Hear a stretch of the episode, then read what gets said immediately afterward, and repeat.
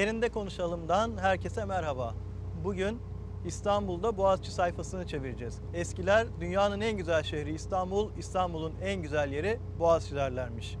Biz de bugün Boğaziçi'ni Sedat Bornavalı Bey ile konuşacağız.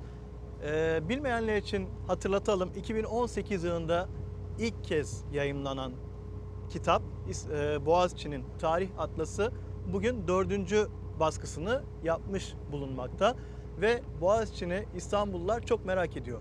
Boğaziçi İstanbul'un bir bakıma sayfiyesi.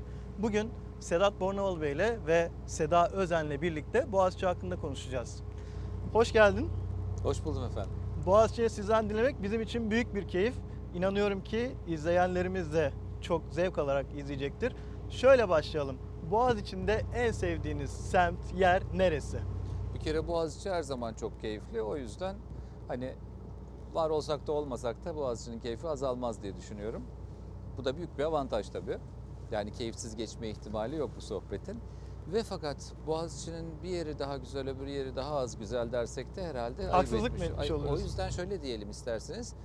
Gün batımında Asya tarafında, Anadolu tarafında olmak, gün batımını seyredebilmek. Oysa gün doğarken de biraz erken kalkıp Avrupa tarafında olabilmek diyelim. Böylece hani zamanına gününe göre e tabi eğer kışın ilerlemiş zamanlarıysa adı üstüne sayfiye dedik fazla kuze- kuzeyine çıkmadan biraz aşağılarda kalmak ama şehir boğucu olmaya başlarsa da bu sefer Karadeniz'e doğru yaklaşmak. Dolayısıyla Boğaziçi'nin her tarafı güzel ama doğru anı seçmek, doğru yeri ve zaman seçmek lazım. Yani mevsime göre bile değişiyor, güne göre değişiyor. Belki insanın ruh haline göre de değişecek. Çünkü Günün sabah ve akşamına göre bile değişiyor. evet zaten e, renklerin bile insanın ruh e, dünyasını zenginleştiren ya da tedavi eden yönü olduğu hep söylenir. Yeşil ve mavinin bu açıdan iyi geldiği söyleniyor. Boğaziçi'de korularıyla ve denizinin rengiyle iyi geliyor tahmin Yeşil ve ediyorum. maviyi bazen de hastane duvarı diye tarif ederler ama o kadar da sadece onlara güvenmeyelim. Birazcık dışarıdan ekstra destek de alalım. Mesela Boğaziçi'nin Erguvan destekleri falan. Aa evet. Farklı renklerle olan, yalıların farklı renkleriyle olan. Evet, aşı boyası gibi, Bir araya koyduğumuz zaman galiba sadece yeşil ve maviyle tatmin olmamak Boğaziçi'nde mümkün ve avantajımız olur. Seda 1815 tarihli Bostancıbaşı defterlerinde yaklaşık bine yakın Boğaziçi'nde yalı olduğu söyleniyor. Sen de Türkiye üzerine çok araştırma yapıyorsun. Ee, bu yalılar hakkında genel böyle gözlemin, izlenimin hatta e, bir kısmı tabii ortadan kalktı bir kısmı ne yazık ki yıkılma tehlikesi altında. Ee, neler söylersin? Bostancıbaşı defterlerine geçmeden önce aslında e, bir şey daha hatırlatmak istiyorum. Öncelikle e, onur verdin Sedat. Her zaman seninle karşılaşmak, konuşmak, sohbet etmek, e, dedikodu yapmak her, zaman, her zaman çok kıymetli. E, iyi ki Türkiye'de bir Sedat Bornavalı var. E, arkadaşım diye söylemiyorum. Evet ama e, Boğaziçi ile ilgili iyi ki bir kitap yazdı. Uzun zamandır e, hediye ettiği zamandan beri bunu söyleyeceğim söyleyemiyorum. Bir türlü kitabı tanıtma da fırsatı olmadı. E, ama evet Türkçe baskısı 2 4 baskı Dört yaptı baskı. Türkçesi ama İngilizcesi de var. Çok şanslıyız. Bunu Evet, e, şeyler e, yabancı okullardaki öğrenciler veya e, bazı turistler de keşfedebiliyor. Bence bu kitap 4 dil 44 baskı da yapabilir. E, dilinin lezzeti, e, Sedat'ın çok kültürlülüğü, e, çok geniş bakış açısı ve bugün burada oluşu nedeniyle de, teşekkür ediyorum. Şimdi Bostancıbaşı defterleri ilginç, bu merak da ettiğim, bir gün belki daha fazla daha iyi tanıyacağım, daha iyi tanıyacağımı umduğum e, defterler biz Bostancıbaşı defterleri diyoruz. Aslında onlar kendilerine böyle bir isim vermemişler. Bu defterlerden sanıyorum 7 kadarı e, bulunmuş çeşitli dönemlere ait. Bize neyi veriyor? E, Bostancıbaşı e, bugünkü belki Boğaziçi İmar Müdürü gibi bütün bu boğazın ve saraya ait bahçelerin bakımından sorumlu ve boğazdaki yapılaşmalardan da sorumlu ve sultanın da kayığına binebiliyorlar. Ben şimdi bir sanat tarihçisi, kıymetli bir sanat tarihçi hocamızın yanında çok açılmak istemiyorum ama e, ve kötü bir de bir görevleri var. Bu bakımlar güzel, evet boğazın imarı ama bir de idam da yapabiliyorlar ve e, dolayısıyla e, bir yandan hem önemli hem ilginç görevleri olan, bugüne baktığımızda komplike e, görevleri olan bir insan. E, bu insanlar e, aynı biz şu an hani bu teknelerde gezerken duyuyoruz ya işte şurası bilmem kimin evi, şurası bilmem ünlünün evi. Muhtemelen sultan sorduğunda o kayıkta giderken e, bu kimin eviydi diye, bu kimin konaydı diye sorduğunda belki not edebilmek için bir takım not defterleri olduğu tahmin ediliyor. Bunlar tabii varsayım, bunlar yayınlanıyor, incelemeler, değerlendirmeler oluyor. E, gizemini henüz koruyor ama şöyle bir şey, dikkatle incelendiğinde tabii Boğaz dönemler boyunca yapılaşması, yenilenen ahşap evlerin tabiatından doğan bir şekilde sürekli sirküle olmuş. Mal sahipleri açısından da sirküle olmuş bir alan. Ee, ama bunları üst üste koyduğunuzda belki dönemler içinde dö- dönüşümü de inceleyebileceğimiz çok değerli belgeler. Peki e, Bence Sedat- Sedat'ı konuşturalım. evet. Şöyle soralım. Günümüzde çok yakınılan bir cümle var. Ee, Boğaz yemyeşildi eskiden.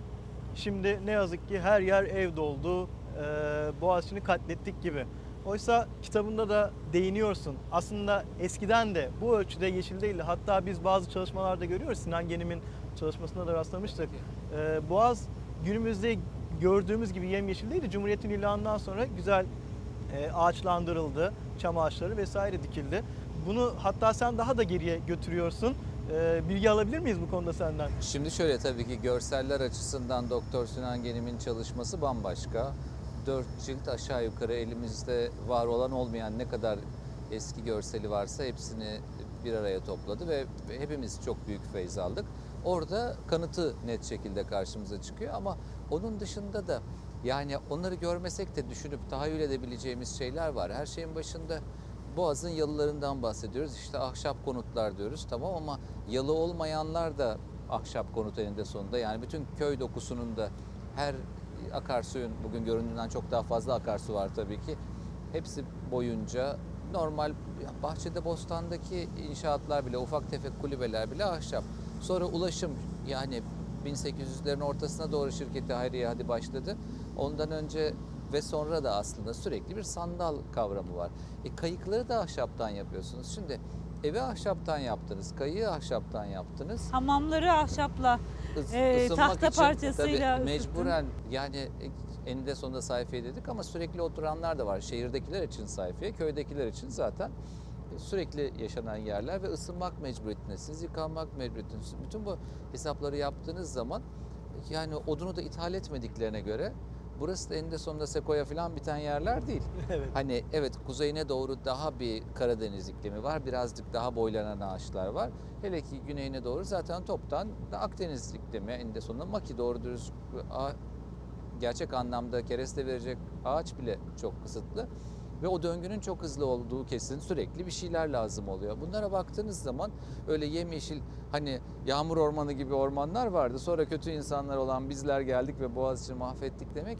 Hani çok aslında düşünülmeden söylenen sözler herhalde. Evet eskiden daha az ev varmış, bugün daha fazla var. Dolayısıyla onların olduğu yerde de yeşillik vardıysa yok tabii o başka ama Osmanlı döneminde de anlaşıldığı kadarıyla belirli mülklerin içerisindeki özenle tutulan korular evet öyle hani ormanımsı görüntü veriyormuş ama ondan başka böyle insanı çok coşturacak orman görüntüleri ancak en Karadeniz'e yakın bölgelerde işte insanın çok fazla erişmediği yerlerde bugün de aşağı yukarı aynı durumda diyebilirim. Çok mu uzattım bilmiyorum ama hatta işte Helmut von Moltke'nin ifadelerinden de bahsetmiştik. Onlar da Osmanlı, o da Osmanlıların ki 1830'lardan bahsediyoruz. Osmanlıların bu yeşili mahvettiğini aslında eskiden ne kadar da güzel yemyeşil olmuş olduğunu söylüyor. Bugün ironi gibi geliyor. Adamcağız ciddi ciddi yazmış bunu da. Yakınma her dönemin zaten klasik diyelim e, başvurulan yöntemi. Moltke'den bahsettin. Moltke Arnavutköy'ünde e, oturmuş. E, zaten Osmanlı ordusunun modernizasyonu için İstanbul'a gelmiş. E, onun hatıralarında verdiği bir detay var. Diyor ki ben e, modernleşme için, askeri işler için geldim ve Ser Asker'in yani Genelkurmay Başkanı'nın bana e, benim yanıma yardımcı olarak verdiği kişi her türlü konuda bana destek olacaktı. Fakat ben ne zaman kendisine iş var desem Aa şimdi e, şu an onu yapamayız der. Fakat kahve içileceği zaman hemen misafirleri davet eder vesaire gibi böyle bir e, yakınması var. Boğazın tadını almış demek ki. E, evet ve Boğaziçi'nde Arnavutköy'ünde oturuyormuş zaten. E, yanlış hatırlamıyorsam sen de Halet Çembel Yalısı'na yakın bir yer olduğunu söylüyordun. Şöyle, şöyle diyelim, çok sıklıkla Hayat Çember Yalısı'nın aslında misafiri olduğu söylenir. Ama bunun galiba çok kesin bir dayanağı yok. O yüzden ben de mutlaka onlardan bir tanesi ama orada zaten tek örnek olarak kalmış o. O yüzden hani gösterebileceğim bir alternatif olmamakla beraber onun da son söz olmadığını düşünüyorum. O yüzden muhtemelen o diye iddia ediliyor. Değilse de o civardakilerden bir tanesi. Ya da ilerideki yalı dizileri Yani diyebiliriz çok yine. benzer ama ileride şu anda o tanımlara uyan başka yalı yok. Yani Hayat Çember yalısı arka tarafta teras bahçelerini de muhafaza eden yegane örnek ve 19. yüzyılın erken zamanlarından olduğunu biliyoruz. Hatta bahçeler belki 18 bile olabilir diye yani teras yapıları. O yüzden hani bugün var olanlardan biri ise o olmak zorunda. Yoksa da işte kaybettiğimiz güzelliklerden birinde diye arada hesaplamalıyız. O zaman yeri gelmişken Boğaz'ın böyle bir yapılaşması olduğunu hem e, mimariye meraklı izleyicilere de anlatalım. Yani önde yalılar varken yalılar ve ahşap saraylar diyelim. E, nasıl şu an tek örneği galiba şeyde kaldı. Çırağan Sarayı'nda kaldı o köprü. Geçit. Tabii ki. E, Evet. Yukarıdaki birçok aslında konağın hala böyle e, dağ e, yalılara bağlı dağ köşkleri hala dağ köşkü olarak tapularda geçer mesela. Dağ köşkleri vardır. Oraya bağlanan köprüler vardır. Sedat'la uzun yıllar önce konuşmuştuk. Bu Yeniköy'deki Erbilgin Yalısı'nda mıydı? O tıngırın bahçelerine geçen köprünün izi duruyordu herhalde Tabii duvarda hala değil mi? kaldırımda yürürken, kara tarafındaki kaldırımda yürürken küçücük bir kemer başlangıcının böyle yan duvardan çıktığını görebiliyoruz. O Evet. işte hatta biraz korumaya almışlardı onu hafifçe. Öylece yani bir hatırası o. Çırağan'ın köprüsü tabii ki yegane örnek binadan kendi bahçesi olan Yıldız Parkı'na. Yıldız Parkı nedense Yıldız Sarayı ile bağdaştırılır ama aslında tabii Çırağan Sarayı'nın bahçesi. Bunun dışında aslında o birkaç küçük örneği Yalıların bahçesi gibi görünen yerlerde şu anda hala mevcut. Küçücük bir kemer onun aslında eski yolun üzerinden geçen köprü olduğunu görüyoruz ama çok az örneğin ne yazık ki denizle yamaç arasında bir bağlantısı kaldı. O doğru. Sait Halim Paşa Yalısı'nın da mesela böyle çok ciddi bir köprüsü olduğunu hatta Bebek'te bugünkü Mısır konsolosluğu olan yalının yanındaki Zeynep Hanım yalısının iki ayrı köprüsü olduğunu da biliyoruz. Genelde büyükçe yalıların bir tane kafesli harem köprüsü oluyor. Bir tane de daha açık selamlık köprüsü oluyor. Yalıdan arka tarafa yamaçtaki teraslara doğru geçiş için. Ne güzel. O zaman bununla ilgili bir makale yazmanı dört gözle bekliyoruz.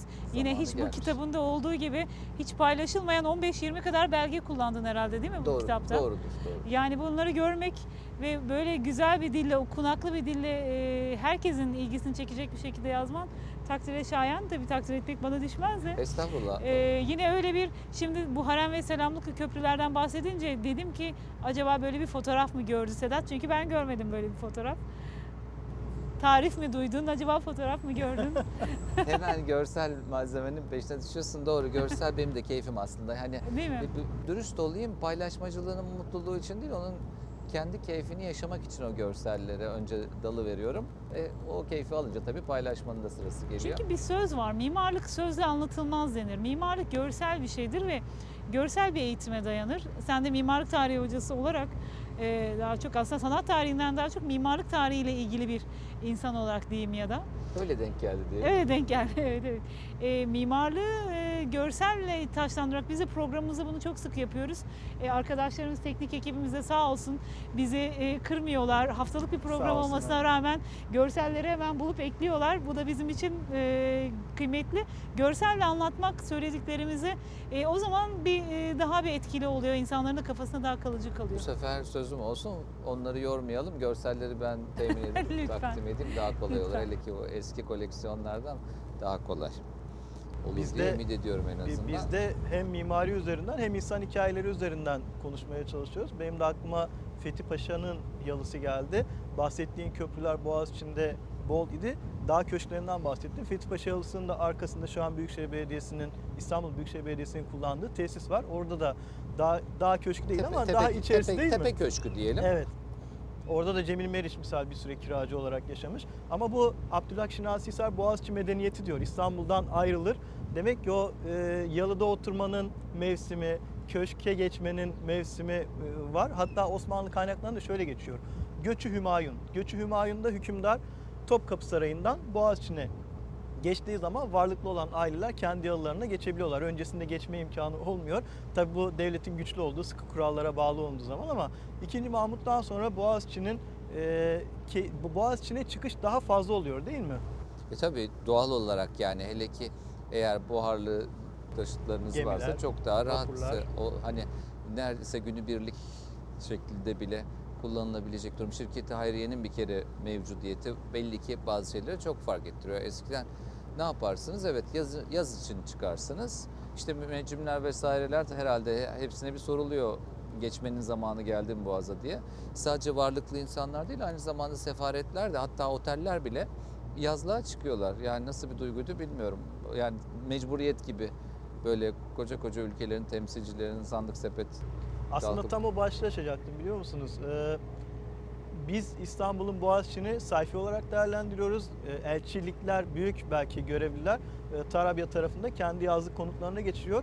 Hatta e, Büyükdere'ye de çok sık geliyorlar. Ahmet Cevdet Paşa Kırım Savaşı'ndan sonra diyor ki bolluk o kadar fazla oldu ki Büyükdere'de bir ev kiralayacak kadar yer bulmak mümkün değil artık. Bolluk bereket dönemi, refah dönemi ama yabancıların oraya gitmesi ve Türklerin de yabancılarla iç içe olarak e, bulunması, yaşamak istemesi, o havayı koklamak istemesi dikkat çekici. Tarabya'daki elçilikler veya Boğaziçi'ndeki elçilik konutlarıyla alakalı ne dersin? Şimdi hani onlar da çok ayrı bir program konusu tabii Evet. ki. Ama yani Kırım Savaşı'ndan tabii ki çok daha önce sefaretler var. 18. yüzyıldan itibaren Boğaz'ın kuzey kesiminde ilk Fransızlarla beraber sefaretleri görmeye başlıyoruz. Bugün e, tabii ki bir kısmı gene ahşap olan bu konutların ne yazık ki günümüze ulaşmamış durumda. İngilizlerin hayli şık bir binası var. O ulaşmadı.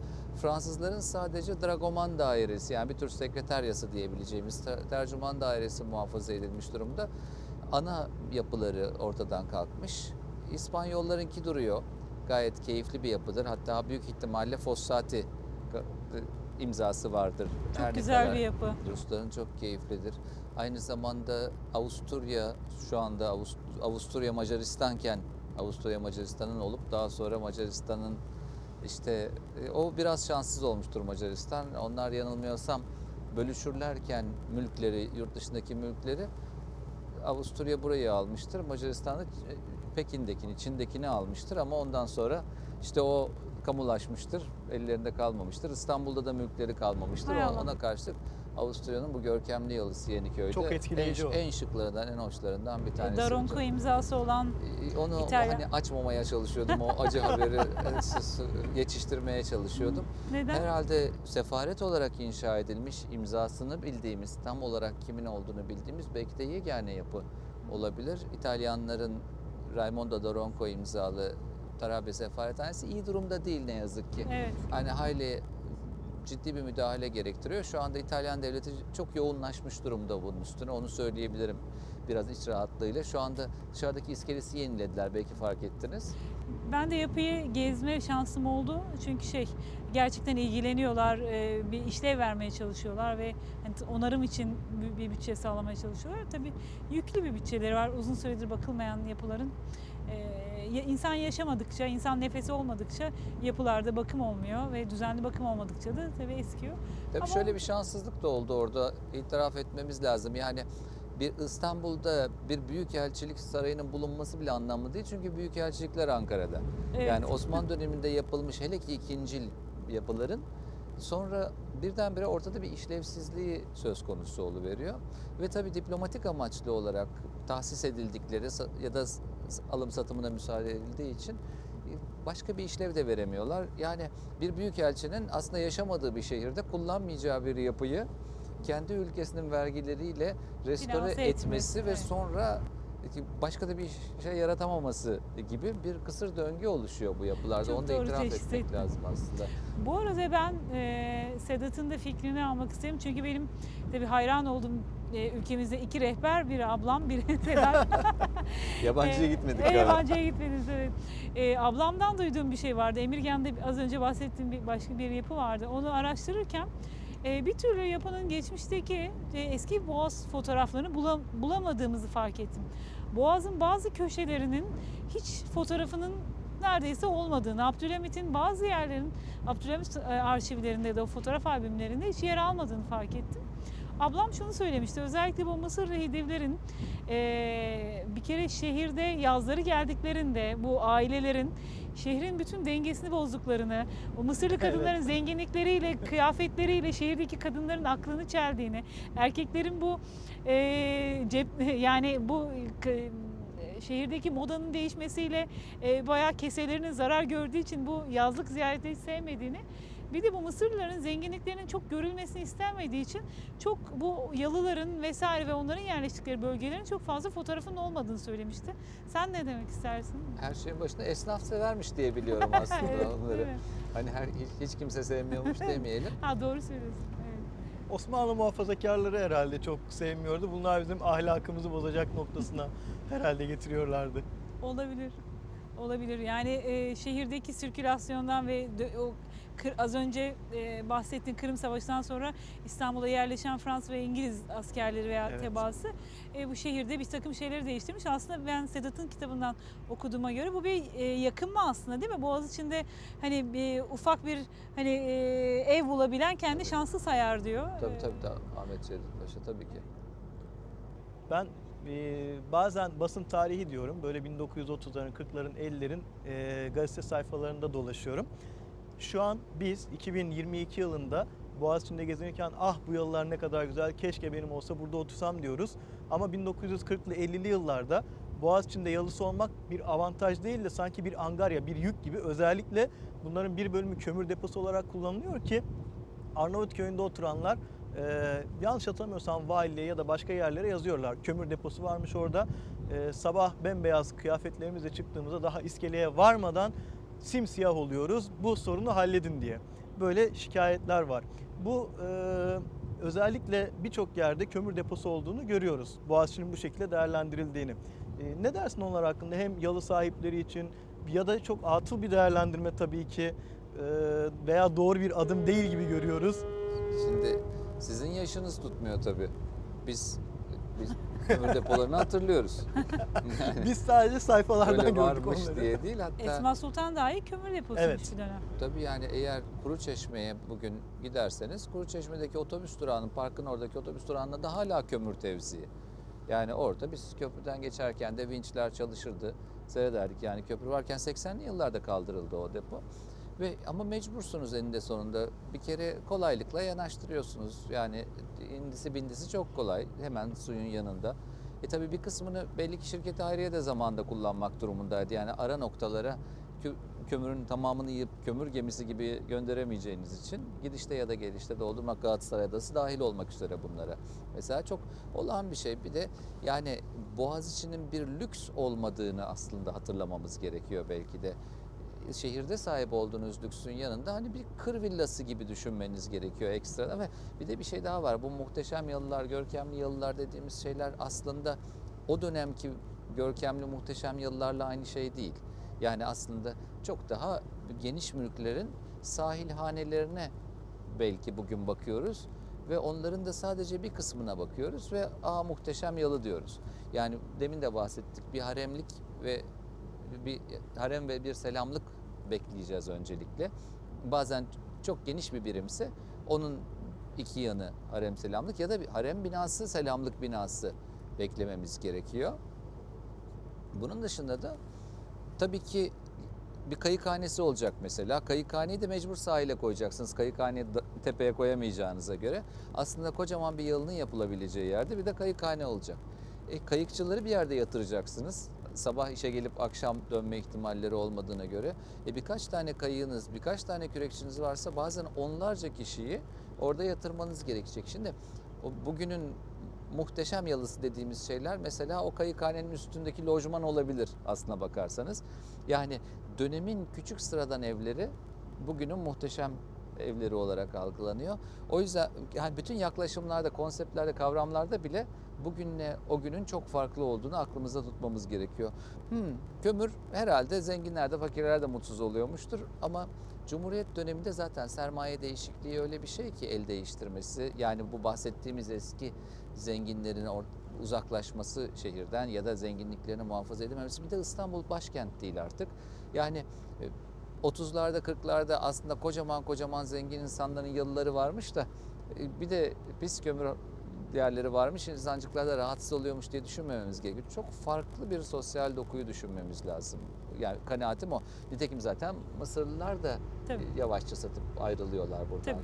Çok da olağan bir şey. İşte çok şükür karşılıklı iki taraf hani Hidiv kasrı olsun, Emirgen korusu olsun. Bugün belediyenin elinde olan iki tane geniş Mısırlı arazisi mahkul rakamlara anladığım kadarıyla el değiştirerek kamu arazisi olmuş. Yoksa hani o da mümkün olmayacakmış. Hatta herhalde onları satın alabilecek pek fazla zengin de yokmuş. Evet Satvet Lütfü Tozan'ı düşünebiliriz ama yani onun dışında bunlar bile pek hani kaygı uyandıracak şeylermiş. Yani gazeteleri okumak doğru yerinde bir karar 30'larda 40'larda. Onların kesinlikle aynı sosyal dokuyu yansıtmadığını bugünle ilgili olarak kavramak için çok güzel bir başlangıç gerçekten. Bu arada söylediklerine bir ek yapmak istiyorum bu yalıların teşekkürlerini. Çünkü bu iş için, restorasyon için uğraşırken tabii çok e, ilginç belgelere ulaşmak mümkün.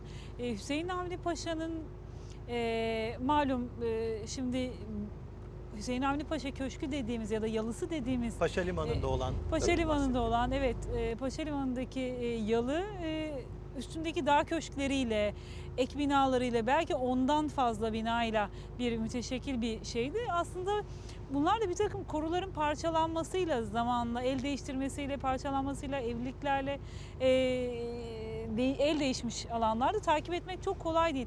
Çünkü tarifler dediğim gibi bir çizime dayanmadığı sürece neyin ne kadarının kime ait olduğunu anlamıyoruz. Şöyle bir ilginç bir şey var. Sinan Gelim Hoca'nın e, yayınladığı bir fotoğrafta elimizde de kalıntılarını bulduğumuz bir yapının ne olduğunu teşhis etmekte zorlandık. Çünkü sanki kamusal bir yapı gibi duruyordu. Böyle e, 450 metrekare oturumlu işte e, efendim çok ciddi 20'den fazla penceresi olan ya bu bir okul mu acaba? Böyle kagir çift katlı bir yapı falan. E, kalıntılarını da bulduk. Ne olduğunu uzun bir süre teşhis edemedik. Sonra şunu anladık. E, Hüseyin Avni Paşa Köşkü'nün yalısının çok affedersiniz yalısına bağlı ağlar koğuşuymuş. Ağlar koğuşunu boğaza tam paralel de yapmamışlar. Hafif böyle e, eğim e, hafif e, içeri doğru e, tabii boğaza çok geniş bir silüet de vermesini istemiş, istememişler. Ama muhtemelen ki bir e, bahsettiğimiz az önce köprülerle bağlanıyordu yalıya. Ama bütün bu kurgu şu an dağılmış ve tam da Sedat'ın dediği gibi yalının yerinde şu an bir boşluk var. E, yerinde yok. Harem ve selamlık bölümü ikisi de yok sanıyorum değil mi? İkisi de Yok yerinde yok değil. öyle İkisi de yerinde değil. Park var çünkü. Ee, öbür tarafta Ağlar Koğuşu'nun kalıntıları duruyor.